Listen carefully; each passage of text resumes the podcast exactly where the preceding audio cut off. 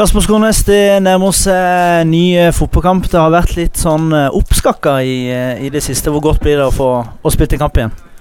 Nei, det er jo som du sier, det, blir, det har vært lenge mellom kampene her nå. Så vi har, vi har kanskje ikke fått helt rytme på det, men vi har, vi har i hvert fall trent godt og føler oss klar til kamp igjen på lørdag.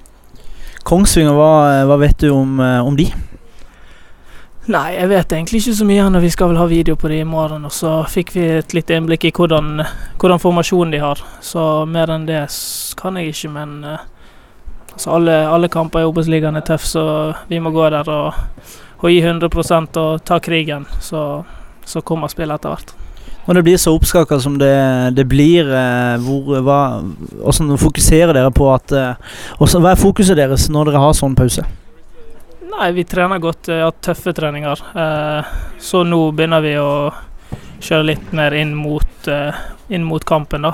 Litt sånn hvordan de spiller, hvordan vi skal spille. Så, så vet vi at vi er gode fotballspillere og går ut der og, og tror på at vi kan vinne. Nå er vi i en god flyt, så ja. Det er bare å fortsette som vi har gjort i det siste. Kanskje litt bedre spill.